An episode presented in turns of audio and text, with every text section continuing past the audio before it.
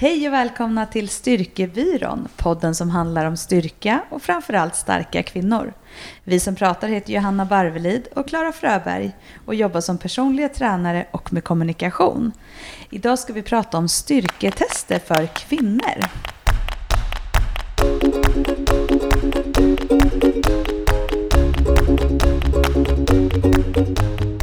Jag var ju nyligen på en utbildning ute på Venngarn Sportcenter i Sigtuna med en stor tränings... Eh, en, en stor idrottstränare och eh, strength coach som heter Dan John. Eh, den här utbildningen arrangerades av Sports Club Education som är en ny PT och tränarutbildning som startades av våra gamla lärare när vi tidigare eh, läste till eh, PT och de hade bjudit in Dan John. Um, och Dan John är en person som har tävlat på världsnivå i diskus och eh, någonting som heter Highland Games. Eh, och, eh, han är en sån eh, snubbe som har kastat väldigt eh, stora tunga grejer långt i sin idrottskarriär. Och sen efter sin egen idrottskarriär så har han eh, spenderat mycket tid med att träna andra. Bland annat eh, amerikanska fotbollsspelare. Eh, han har tränat militärer, pratar han mycket om också. Och eh, ja, idrottare generellt. Och den här helgen eh, hette, workshopen hette Can You Go? Eh, och där var vi eh, 55 personer som eh, under två dagar fick ta del av hans eh, träningsfilosofi som är baserat på en av hans böcker som heter Can You Go? Ehm, vi, eh, vi var ett gäng från Lofsangruppen, coacher, som åkte dit. Du skulle ju varit med egentligen, Johanna. Ja. Men, men eftersom att du är höggravid så kände du väl att eh, det stod ju också bland annat ta med många ombyten, ja, träningskläder. precis. Jag tänkte också att det, att det kanske... Det är klart att jag hade kunnat varit med och lyssnat, men eh, sen var det också så att en vän till mig, eh, att jag fick en inbjudan till hennes bröllop i, på Mallorca. Så eh, det blev faktiskt valet hamnade där att åka dit. Ja, och du, fick ju, eh, du gav ju bort din biljett till en annan coach mm. som, som hade mycket nytta av det. Men det var kul, det var, det var många eh, många träningsprofiler som... Den här utbildningen sålde slut. Vi köpte ju biljetter för ett år sedan. Mm. Eller vi fick ju faktiskt också biljetter eh, av eh, Lovisa Sandström som, som vi jobbar med. Hon var ute och haffade dem tidigt. Eh, och de tog slut på mindre än en vecka. Så det var en väldigt eftertraktad kurs att gå. Så det var jättekul att, att få göra det. Och eh, eh Can You Go, hans bok, är en bok som riktar sig till vanliga människor. Han har ju spenderat mycket av sin karriär av att just träna elitidrottare. Eh, Eh, och men den här boken handlar om just hur du kan tänka som tränar vanliga människor och hur bör du som vanlig människa tänka med, med din träning, vilket passar oss två väldigt bra som ju faktiskt tränar väldigt mycket vanliga människor. Ja, och sen vi får ju också väldigt mycket frågor om vad, vad man kan sätta för standarder med styrketräning. Så här, vad bör jag klara och vad, det här med mycket procent och sådär. Vi har ju varit lite så här, det kanske inte spelar så jättestor roll. Eh, men, men i det här avsnittet ska vi ändå prata lite kring det. Precis. Också eftersom du också har fått lite inspiration kring det i den här helgen när du ja, var iväg. Exakt, ja precis. När, när, när jag kom hem från den här utbildningen, bara några dagar senare, så skrev Dan John en artikel i T-Nation som hette eh, 10 standards for strength uh, a powerlifter should be able to do, eller något sånt där. Som är 10 punkter för styrka för män då, som, eh, eh som den riktar sig till, eh, alltså 10 stycken styrketester som man som man bör klara av om man är en vanlig person. Mm. Så uppfattade jag det. Alltså inte någon elitidrottare. Eh, och vi tänkte gå igenom dem idag ehm, och, och ge vår kommentar på vad, hur man som kvinna kan tänka med de här testerna. För de här testerna är inte specifikt sådär, det är inte liksom eh, spring milen så här fort. Utan det är ganska mycket mixat, eh, rena styrketester men också rent vardags, eh, vardagshälsa. Och, och det var lite det som var som var utgångspunkten för den här helgen, som var väldigt uppfriskande tycker jag. För att många av oss som var på väg att åka ut till den här utbildningen pratade om att så här, shit, man ska ha med sig massa träningskläder och shit, här kommer en elittränare och vi kommer få göra massa galna, så här, eh, galna, alltså typ, vi såg framför oss de här typiska styrketesterna med brutalbänk och liksom, vi kommer bli helt förstörda. Men eh, så var det verkligen inte. Och eh, när du och jag gick, eh, gick vår PT-utbildning på Eleiko tidigare med de lärarna som, som jag nu träffade i helgen och bland annat eh, Erik Börjesson som var vår huvudlärare på utbildningen, så var det ju så att vi kom ju in med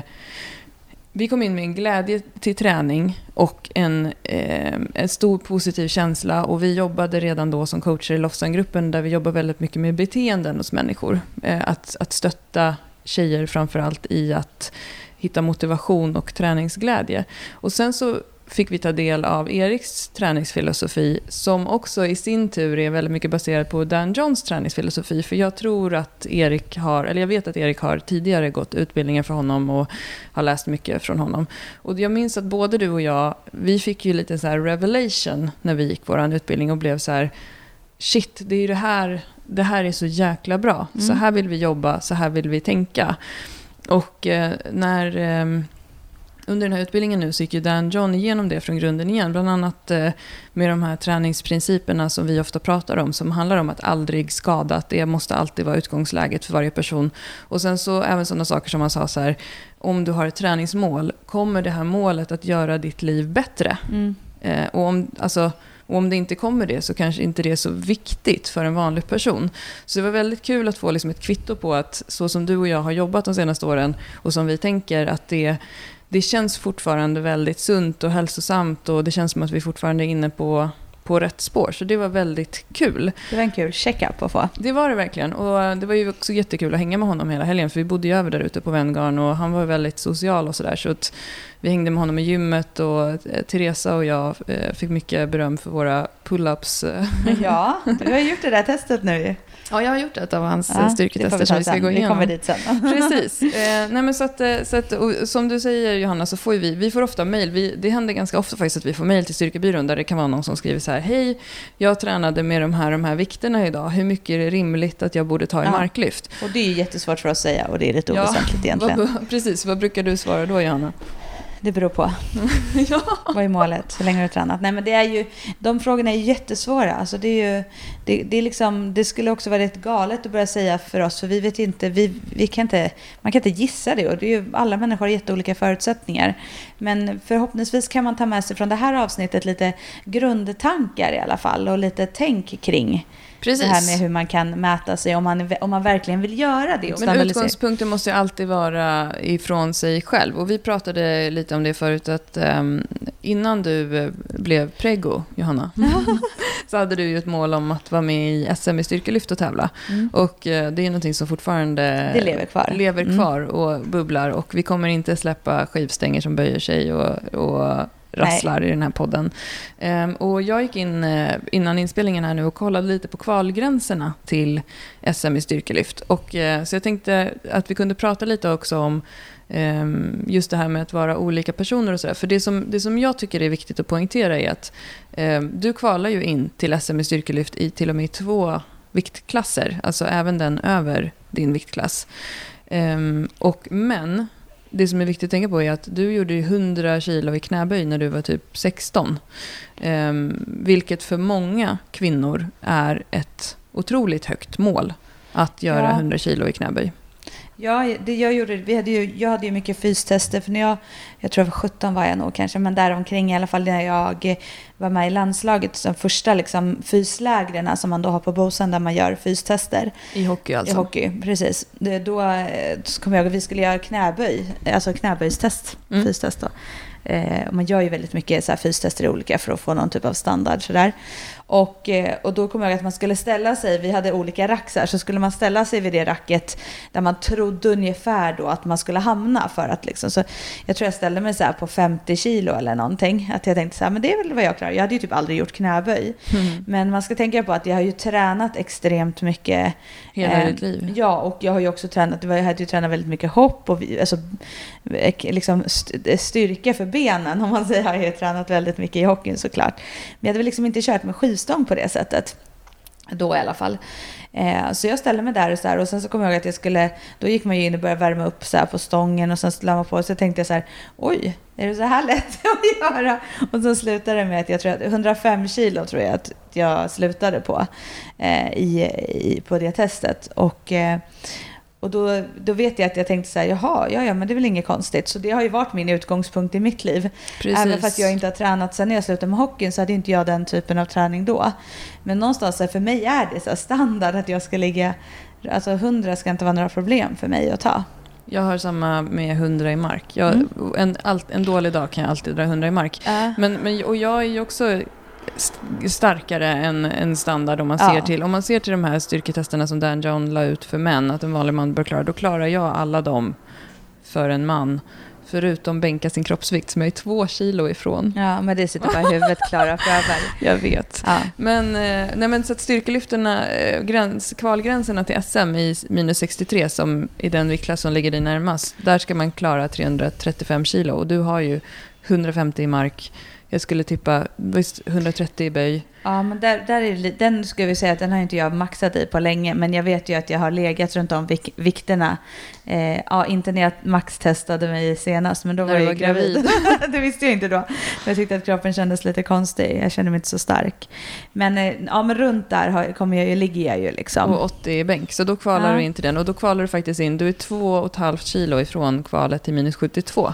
Ehm, med de vikterna också. Men, men, eh, men däremot de som tävlar i minus 72, ja, men de är de är, det är riktiga beastbrudar. Och de som ligger i topp på SM där, det är, det är, liksom, de är, det är powerkvinnor. Så frågan är vilken av de klasserna du, Ja. du, du ska Det, man får gå i. säga, det är svårt också, så här, för man måste ändå ta ställning. Jag är ju, just det här när man hamnar i viktklasser, i annat fall så är det lite, för mig är ju så här, vikten, det är skitsamma vad jag väger. För mig handlar det om att må bra och att jag tränar och känner mig stark och, och så vidare. Men så fort att man kommer till en sport där man faktiskt måste ta hänsyn till viktklasser så blir ju vikten viktig. Mm. Eh, för att du behöver ju ändå gå för då 63 eller 72. Mm. Eh, och det är ganska stor skillnad. Ligger man precis alltså någonstans mittemellan där så, så är det ju ganska stor skillnad att gå upp till en 72-klass Verkligen. eh, jämfört med 63. Men Och det beror där- på hur man ligger till styrkemässigt, men, Precis. men man kan ju bli lite svagare också om man bantar ur sig på slutet Ja, så till det- en det 63. är ju, och, och, men och där är det ju verkligen, det är en sån sak som jag har tagit med mig från när vi har pratat med, när jag pratat med flera stycken som faktiskt tävlar idag, men bland annat Matilda var ju jättenoga med det att hon hela tiden ligger väldigt nära sin viktklass. När vi hade Matilda Ja. Vilmar i. Eh, att man inte liksom går för att eh, tappa jättemycket på slutet för att det är för tufft att ligga så hela tiden. Oftast är det lättare för män. De har Ja. lättare att vätska Men ur och mera jag på ju slutet. heller, jag vill ju gärna ligga runt en vikt där jag ska vara just för att slippa ha den där hetsen och stressen i slutet att Ja. behöva tappa. Men, ja, men det, det är spännande och, men det är ju som sagt för mig tror jag att, att göra st- Eh, fystester är ju inget som har varit konstigt. Jag har alltid gjort det.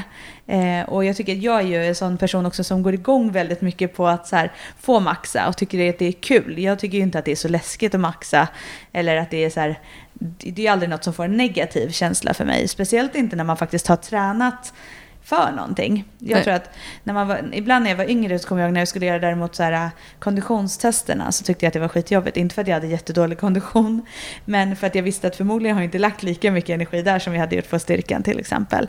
Eh, och det är alltid så, har man gjort någonting eller gjort sin hemläxa då tycker man ju att det är kul att göra ett prov. Mm. Men har man inte gjort det och man vet med, med, vet med sig att man hade kunnat gjort mer, då, då har man ju oftast en negativ känsla i kroppen för att man vet att så här, jag kanske inte ligger där jag borde eller jag hade kunnat gett lite mer. Men jag har nog alltid ändå varit så här att ja, men fasen, det här ska bara bli kul att få ett kvitto på att det jag gör ger någonting. Ja, men, och där är jag helt annorlunda. Mm. Att jag, däremot skulle jag ju aldrig kvala in till SM heller. Kanske, kanske veteran-SM sen när jag har Ja. fyllt 40. Då är det lite lägre vikter. Men jag är ingen tävlingsmänniska på det sättet. Utan jag får nästan ångest. Och det, är som, det är som du säger, när jag eh, senast eh, persade i bänk, då, då gjorde jag fem kilo mer än vad jag trodde. För att jag tänkte skitsamma, för att Mm. jag hade bommat innan. Jag är inte alls någon som, som skulle göra ett personligt rekord på tävling, utan Nej. jag gör mitt på träning och sen så på tävling så ba- bangar jag ur. Liksom. Och det, men det är också viktigt att ta upp och tänka på att ehm, jag skulle aldrig jämföra mig med dig heller, för det finns inte en chans på jorden att jag hade gjort 100 kilo knäböj när jag var 17. Jag visste inte ens vad knäböj med skivstång var Nej. på den tiden. Ehm, och, och alla har sin standard. Och därför så ehm, tyckte jag att den här listan som Dan John kom ut med precis när jag hade gått den här utbildningen med honom var lite kul för att den riktar sig till vanliga människor. Men många av kommentarerna på T-Nation var det flera som frågade så här, men tjejer då? Vad borde tjejer ta? Eh, och det är inte riktigt samma sak för en tjej. Alltså det är inte, vi, vi har inte lika lätt att göra 100 kilo i knäböj som en kille och det beror på att vi har mindre muskelmassa på kroppen också. Så det är, vi tänkte gå, utgå från hans lista och kommentera Mm. eh, och då kanske du och jag tycker olika, det får vi se. Ja.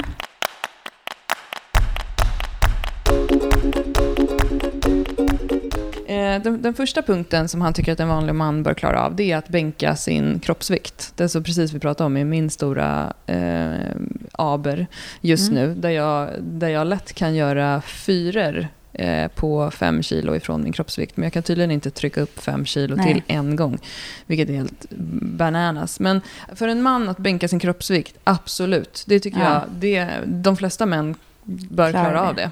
Men där, och där är det också viktigt då när man tittar på kvinnor och bänkpress. Så det har vi pratat om väldigt mycket. Det handlar ju om att hur mycket bänkpressar du? För det är klart att om jag säger så här Eh, Okej, okay, jag, eh, jag ska klara min kroppsvikt i bänkpress. Det gör, nu gör jag det utan problem. Men någonstans är det så här, när jag började bänka så var det inte så att jag klarade min kroppsvikt bara så där.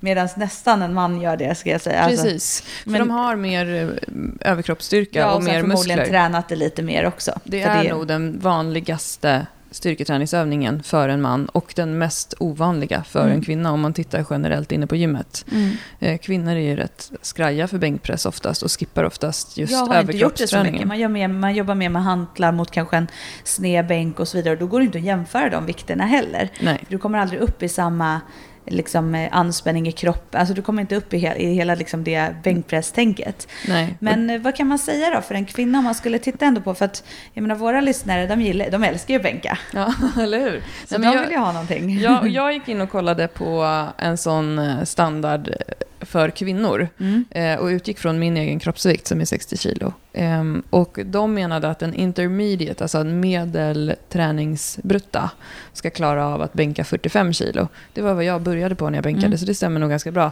Och att en nybörjare ska klara av 28. Ja. Och det låter ganska rimligt, det tycker rimligt. jag. Och att en avancerad advance ska kunna bänka 67, elit 90, enligt den här ja, tabellen. Och då, då pratar vi om en utgångskroppsvikt på ungefär 60 kilo. Då. Ja, precis. 60 kilo. Så får man ju tänka då på att väger man eh, 55 så bänkar man mindre, väger mm. man 70 så kan man bänka lite mer. Mm. Men det är en bra standard. Ja, så 45 kilo kan väl vara ett bra eh, mål. Och det kan vi också se som har hållit en del bänkworkshops ja. nu.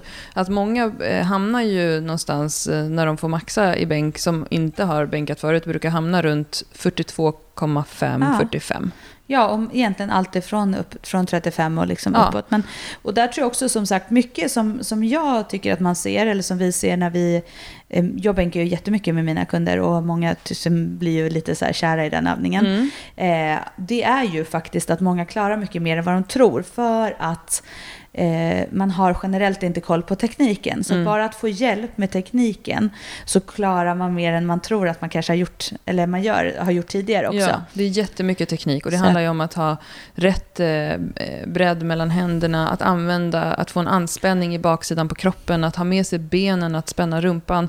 De flesta som, eh, när jag säger först bara visa hur du brukar göra, så lägger de sig på bänken, ingen anspänning i kroppen, håller ett smalt grepp och bänkar ja, bara med armarna. Jätte, och så blir det jättevingligt och det kan jag, alltså när jag ligger och kör på mina, om man säger lättare vikter, mm. i, när jag har i, min, i mitt program som jag jobbade med förut, så om jag skulle släppt anspänning på mina lätta vikter som inte är något problem när jag har en anspänning, så skulle det bli ostabilt. Alltså det är sån stor skillnad. Mm. Eh, och jag kommer ihåg det när vi, vi hade, bänkade ju med eh, Martina, som mm, också är Gramenius. Ja, som, som är grym. Som var tvåa i bänk-SM. Förra året. Mm. Eh, en helt ascool tjej. Och då kommer jag ihåg att jag sa så här, kan jag få känna på din rygg när du bänkar? Mm. Och så fick jag satt in händerna liksom och kände på hennes anspänning. Och det som är jättespännande då är ju att hon har ju sån galen anspänning genom alla sina när, även om hon gör femmor eller sexor så är det liksom samma anspänning. Medan känner man på dig mm. eh, och uh, samma sak om man skulle känna på mig så känner man lite att man tappar den här. För, för varje, varje, repetition rep så tappar man lite anspänningen.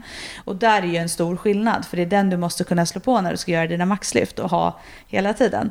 Så det är ju extremt mycket teknik. Och mm. sen är ju, säger inte något för hon är ju som en galen, hon är ju bara så stark. Eh, så det är ju inte så att hon inte är stark men det är mycket teknik. Och mm. Att hitta det där och lära sig det där. Mm. Och ta hjälp av hela kroppen. Så att bänkpress är ju jättemycket teknik.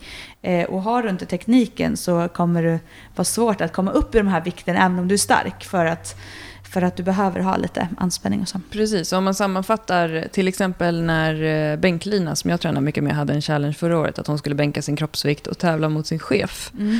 Då um, sa, pratade vi om att egentligen så borde han bänka ett punkt 3 mm. av sin kroppsvikt, vilket var 100 kilo.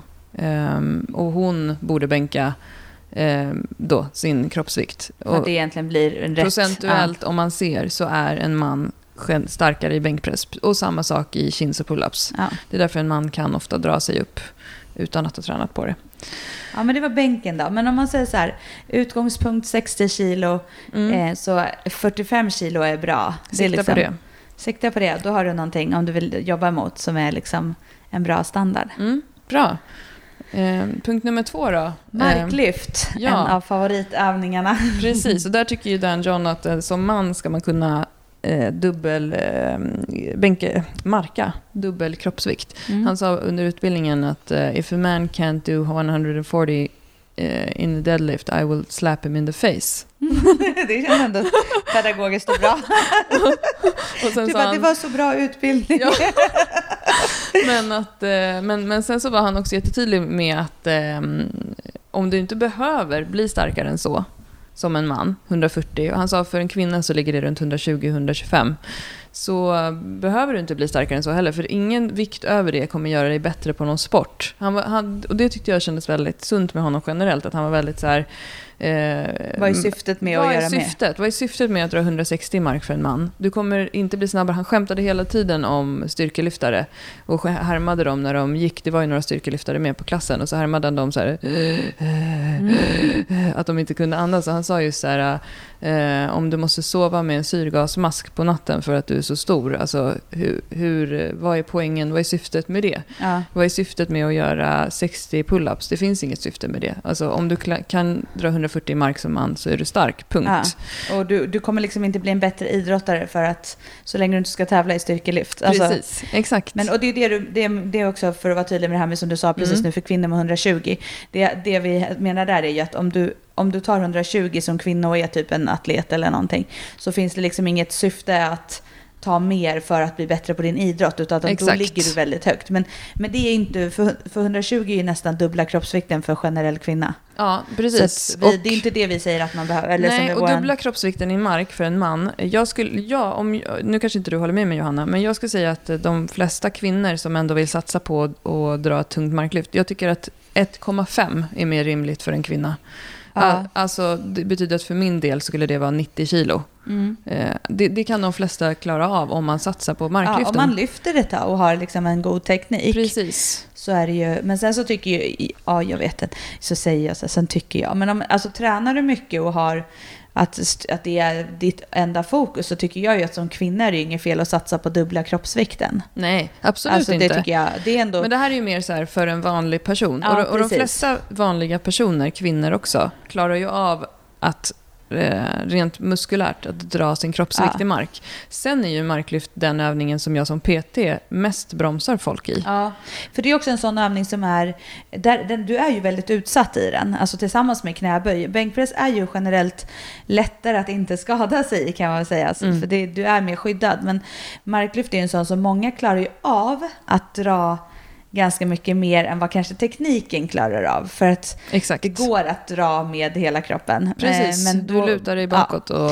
så att, men därför så är det ju så att jag tycker att, som, jag håller med dig, men jag tror också att har du en god teknik och en jämn stark kropp eh, så kan du ju absolut satsa på dubbla kroppsvikten. Men att annars 1,5 definitivt så tycker jag att tar du det så ligger du på en väldigt bra standard som en vanlig motionär. Precis, men dubbla kroppsvikten för en kvinna är en större prestation än dubbla kroppsvikten Absolut. för en man. Ja. Alltså man får ju alltid tänka på det här med relativ styrka och absolut styrka. Att den absoluta styrkan är ju, alltså tävlar du och jag mot varandra i marklyft så kommer du att vinna. För du, den, din absoluta styrka är högre. Men våra relativa styrka skiljer sig lite grann för vi, du och jag väger lite olika. ja, men precis. Men det handlar ju om just det här att ehm, beroende på hur stor du är. Det är därför Ja. man tävlar i olika viktklasser. Ja, för att det är klart att om en person väger 70 kilo och en person väger 50 kilo så är det ganska stor skillnad vad man kommer dra i marklyft. Precis. Men, men och sen så också är det ju så att det man kan se generellt egentligen för, som jag skulle säga är för kvinnor, kvinnor.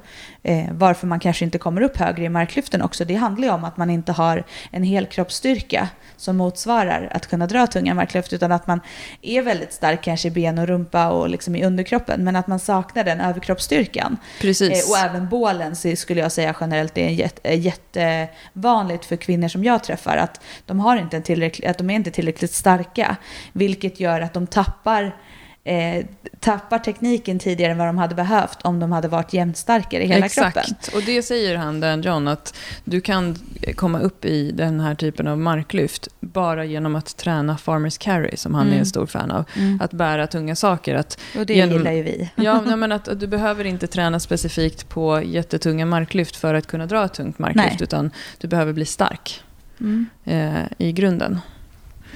Eh, grymt, ska vi gå vidare till nästa punkt? Ja, verkligen. Eh, nästa punkt är en punkt som han har tagit från Dr. Stuart Mc- Mc- McGill som är eh, eh, ryggradsdoktorns fader och en, en känd föreläsare som, som pratar mycket om, om ryggen.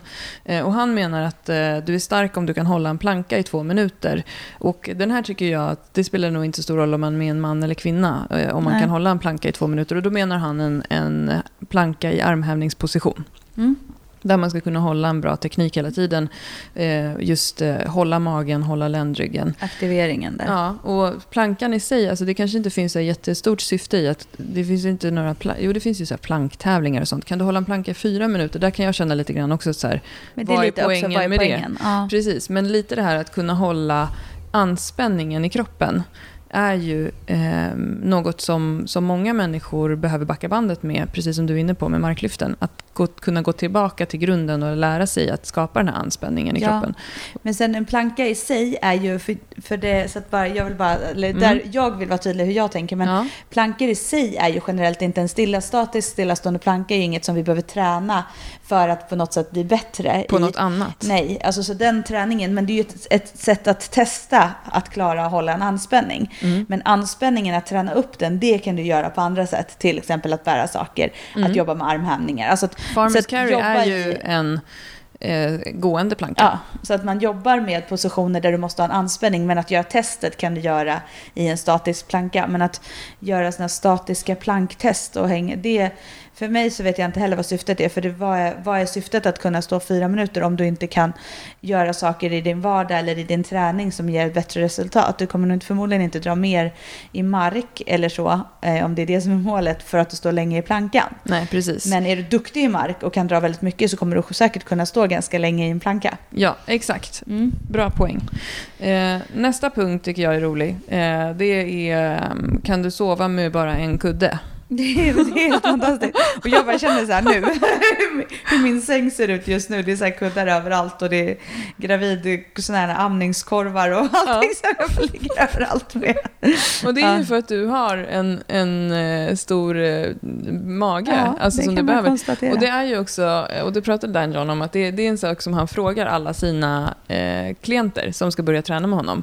Hur Ja. många kuddar sover du med? Han säger att folk försöker alltid komma med undanflykter. Så här, Ja. Jo, men jag har en till, men alltså, den är bara för att jag tycker att det är mysigt Ja, att lägga in den. Men just det här att om man ser till eh, då män som lägger på sig väldigt mycket muskler, så, så mm, det händer, de, när de blir tunga i kroppen och kvinnor också, så, börjar, så får man problem med andningen också på nätterna. Och det är därför vissa av de här riktiga eh, stora killarna behöver sova med syrgasmasker, sådana här CPAP som, man, Ja. som neobebisar eh, också har. Men och, och att man inte orkar, alltså det är ett stort projekt i sängen och det känner ju du igen nu Johanna när du Ja. är höggravid. Att just bara att vända dig i sängen Ja, men det är helt hemskt. är, gör ju att du vaknar. Man får en sämre Mm. sömnkvalitet Mm. och då är det många som bullar upp med lite extra kuddar. Mm. Och då var han Dan John jättetydlig med att så här, ah, sleep with many pillows, mobility work. Mm. Eh, att det kan vara en bra eh, Det, checkup. det är ändå en kul punkt att ha med. Ja.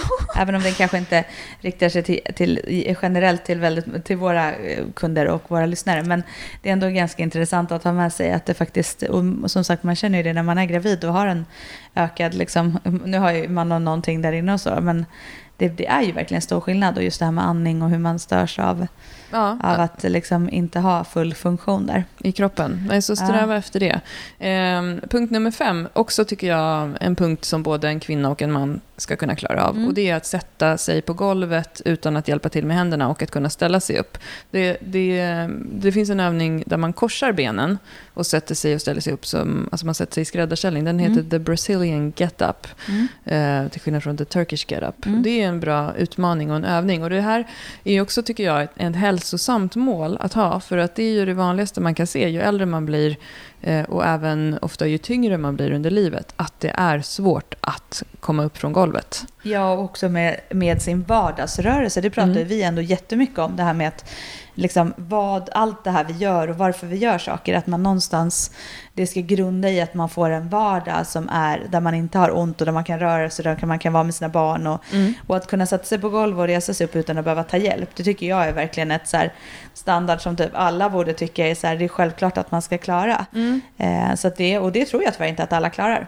Nej, och det spelar ju lite tillbaka till det här, så här att eh, om du kan dra 200 kilo i mark som man så kanske det betyder faktiskt att du inte kan ställa och sätta Ja. dig upp på golvet utan att ta hjälp. Och då har man valt eh, att inte satsa på träning för hälsa. Ja. Utan då väljer man något annat, vilket också kan vara sjukt kul. Ja. Att, att lyfta tunga grejer. Men just i, i det hälsosamma perspektivet, att kunna sätta sig och ställa sig upp. Och Mm. mina PT-kunder som har tränat med mig efter att jag var på Dan John-workshopen vet att jag tycker jag har blivit jätteinspirerad av det här med att eh, lägga sig och ställa sig upp på golvet. De har fått slänga sig och ställa sig upp, det fick vi också göra på kursen. Ja. Sjukt mycket, vilket är en väldigt eh, bra träning. Ja, härligt.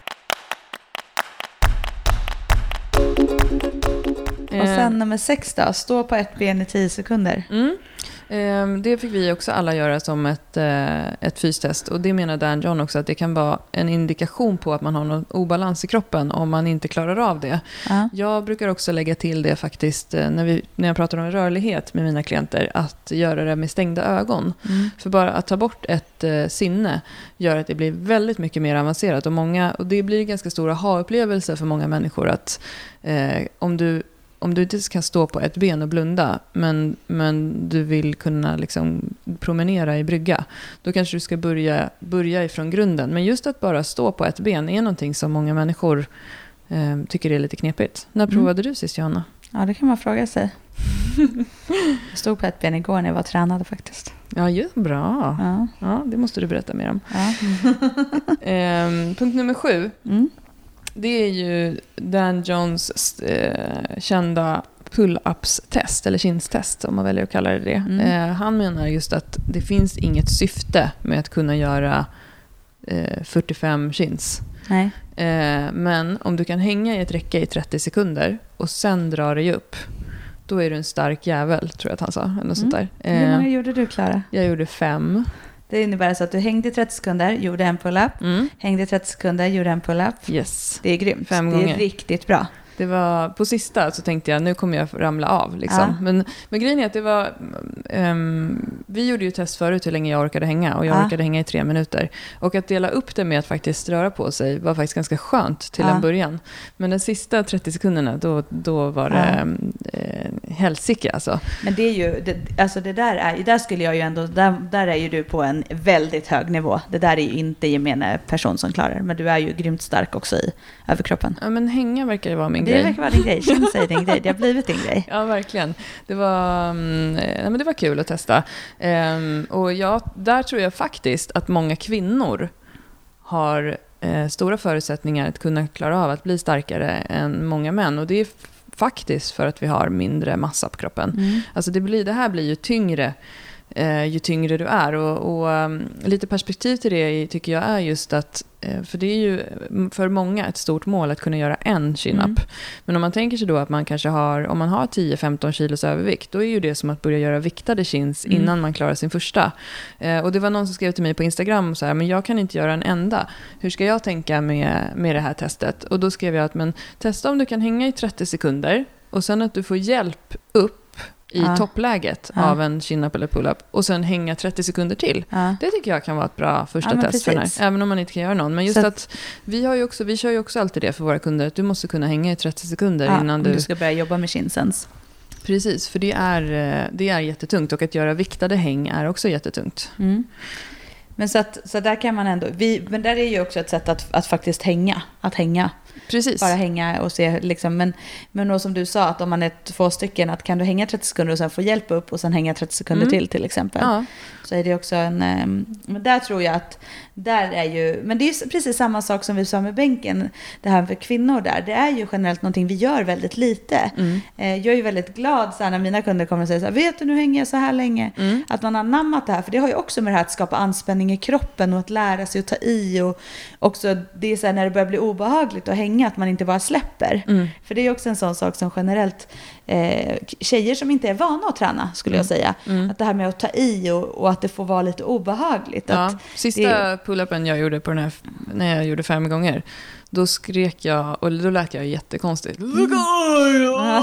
Men jag kan säga att jag tog i jävligt mycket. Ja. Och det är som du säger, jättebra för många att träna på det. För att många kommer och, och vill kunna använda en skivstång och göra tunga övningar. ja, Men, men vet inte om hur man gör för att ta i. nej, Eh, Och blir man bra på att ta i, då blir man bra på väldigt mycket fler saker eh, med träning. ja. Ja men coolt, men där är du, det där ser jag fram emot att få göra sen. Men det där är, där är du, jag, jag, jag tror inte jag känner någon annan som skulle göra det sådär nära vän. Mm, Det är får, riktigt bra. vi hör, hör efter. Jo, Teresa. Ja, hon. Teresa i Lofsangruppen som också är coach, hon är, hon är monster. Det sa monster. Dan John också, han sa “You're stud”. sa han. Det är underbart. Oj vad härligt. Eh, nästa punkt är stillastående längd, att kunna hoppa sin eh, kropps... Eh, Längd. Ja, precis, i Mm. stillastående längd. Eh, och det tror jag också är ett rimligt mål för kvinnor också. Mm. Eh, och gör du mycket knäböj så, så tror jag att många kan klara av det. När vi, hade, vi hade ju det som test när vi gick vår tränarutbildning och då hade vi så här sträng lärare som sa till alla så här att allt under 2,50 är, räknas inte. Och vi bara va? Och jag tror att det var typ tre stycken som klarade av att hoppa 2,50 så det var ju väldigt höga, Mm. höga krav. Men, men sin, sin kroppslängd, det tror jag absolut att man kan, Ja, att man kan ha som standard bra. att lära sig att klara av. Och stillastående längd tycker jag är en, den brukar jag ofta använda eh, med PT-kunder också. En jättebra träning för att, eh, både som att testa, för att testa sin explosivitet, men också för att träna på den. Och då ska Mm. man ju inte hoppa massor med gånger, det räcker med fem gånger för att man Mm. ska kunna behandla någon slags Mm. kvalitet. Det är roligt. Det är något som jag har gjort mycket i hockeyn också, stillastående längd. Ja, roligt. Ja, det, det, jag klarar den. Ja, du, ja, men du var ju typ topp tre när vi gjorde det på Eleiko också. Men det är, en sån, det är en sån grej som också är, den är ju väldigt relaterad till eh, böj, alltså böjstyrkan. Yes, Men stark därför höft. så tjejer är ju rätt, alltså är man starkare i knäböj så klarar man oftast lite längre där för att, för att det är relaterat till eh, styrkan. Yes. Ehm, nästa punkt då. Punkt nummer nio. Sitta i en knäböj i 30 sekunder. Ja, den är bra. Den kör ju vi ofta Ja. med våra kunder också. Eh, Att kunna hålla aktiveringen där nere. Och, att, och just det här, då, då skulle jag ändå vilja skilja på att sitta på huk bara utan någon typ av anspänning. Utan här pratar vi att du kanske har en skivstång eller någonting på ryggen eller att Eller en kettlebell. en kettlebell, alltså någonting och har en anspänning. Så att det är inte så att du bara ska sitta som en gurka liksom. Det, det var för sig dåligt. Gurka, ja En- men den är ju lite böjd sådär. Ja, nej men alltså det är inte så att du sitter som en banan då, så kan jag säga. Utan att du faktiskt har slagit på aktivering i mage, du har aktivering i rumpa, Mm. du har aktivering i bröstrygg och att du har, du har en bra position. Precis. Sitter i din böj, att du kan sitta där utan problem i 30 sekunder. Det tycker jag verkligen är någonting som, som kvinnor lika gärna kan sträva efter som män. Tror- Verkligen. Där tror jag faktiskt att kvinnor generellt klarar det bättre än män också. Ja, vi har lite bättre rörlighet, framförallt i höften Mm. ofta. Och Mm. där var ju också, det var roligt, Dan John är ju han, det är han som har namngett övningen The Goblet Squat. Mm. Och det fick vi göra en del under den här utbildningen och då fick vi eh, göra det med kettlebell. Mm. Eh, där han poängterade att det som han menar syftet med den är att man verkligen ska trycka ut knäna i bottenläget med Mm. armbågarna och kunna sitta där. Eh, och det är ju många som tycker att det är väldigt jobbigt att sitta där nere i en knäböj. Och då kan ju Mm. det vara en bra reminder om man tänker sig att man skulle vilja böja 100 kilo någon gång.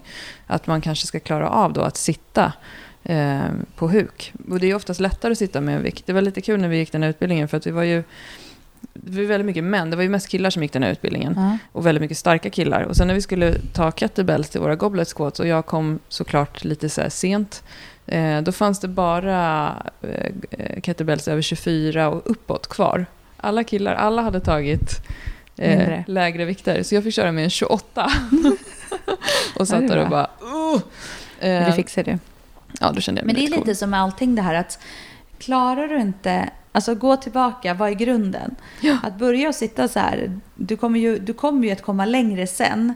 För det här som vi har pratat om, pyramiden. Att har Mm. den inte en pyramid, en bred bas, så kommer du aldrig ens kunna bygga upp till spetsen. Alltså det är väl lite någonstans där det här bottnar sig i. Att Mm. Klarar du inte de här som man, vissa kan säkert tycka att så här, men gud, vad är det där för standardtest? Men klarar du inte det så kommer du inte kunna heller bygga vidare. Många kommer, klarar inte det, för det är många som säger till mig, hur ska, jag, hur ska jag få bättre ankelmobilitet? Hur ska jag få bättre höftmobilitet? Och så säger jag, men börja med att sitta på huk på Mm. kvällarna när du kollar på TV. Mm.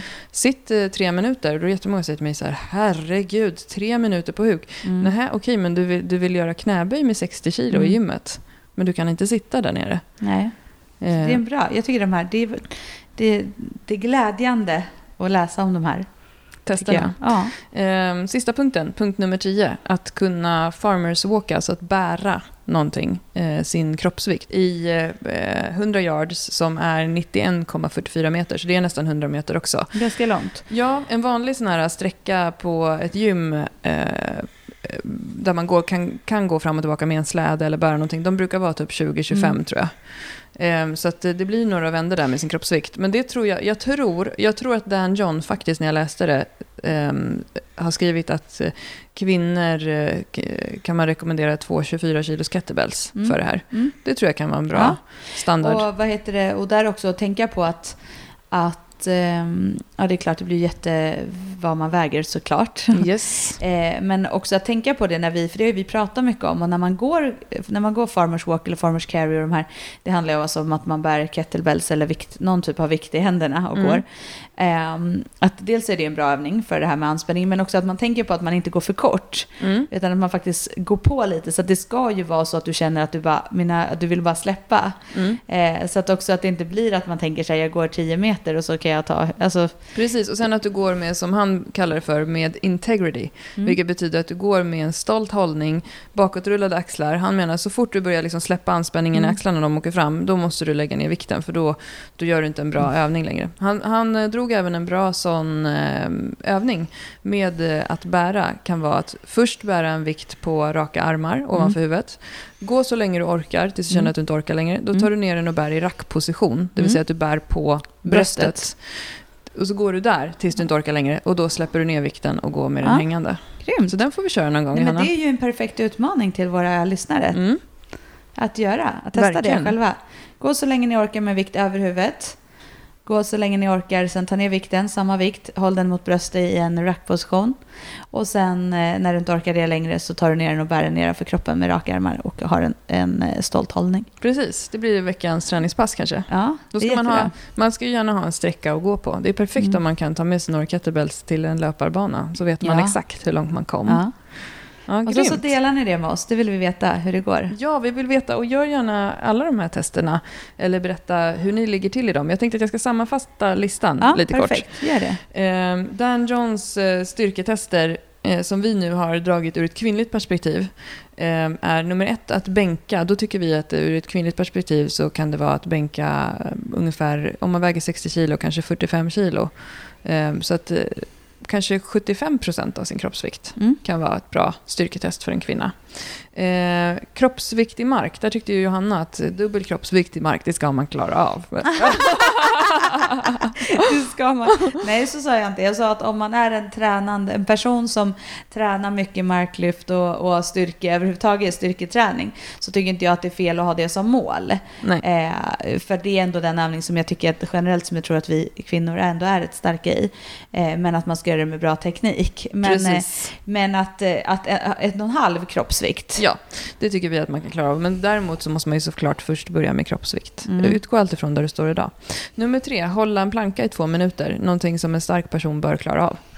Eh, nummer fyra, att sova med bara en kudde. Också någonting som en person som är hälsosam bör klara av. Eh, nummer fem, att sätta sig och ställa sig upp eh, från golvet eh, utan att hjälpa till med händerna. Eh, också någonting som en hälsosam person bör klara av. Att kunna stå på ett ben i 10 sekunder bör alla klara av. Att kunna hänga i 30 sekunder och sen göra en pull-up. eh, Där tyckte ju Dan John att man ska sikta på 10 minuter.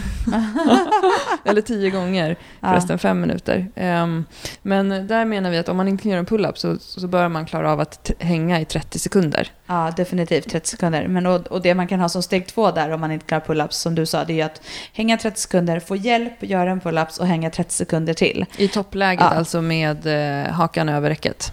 Så att man får hjälp och sen hänga. Mm. Eh, för då har man tagit det ett steg till utan att man då klarar att göra. Själva rörelsen. Mm. Nummer åtta, att kunna stillastående längdhoppa sin kroppslängd. Mm. Det är någonting som också de flesta kan klara av. Ehm, och nummer nio, att kunna sitta i en knäböj i 30 sekunder. Och då som Johanna poängterade, att inte göra det helt eh, chillad där nere. Att du sitter och ehm, tar det lugnt. Utan att du sitter med en, en bra aktivering och jobbar aktivt med höfter, fotleder, bröstrygg. Eh, och sen nummer 10, att eh, kunna gå farmers walk med sin kroppsvikt, tycker Dan John för en man. Och då eh, är det 100 meter, eller 100 yards, 91 meter.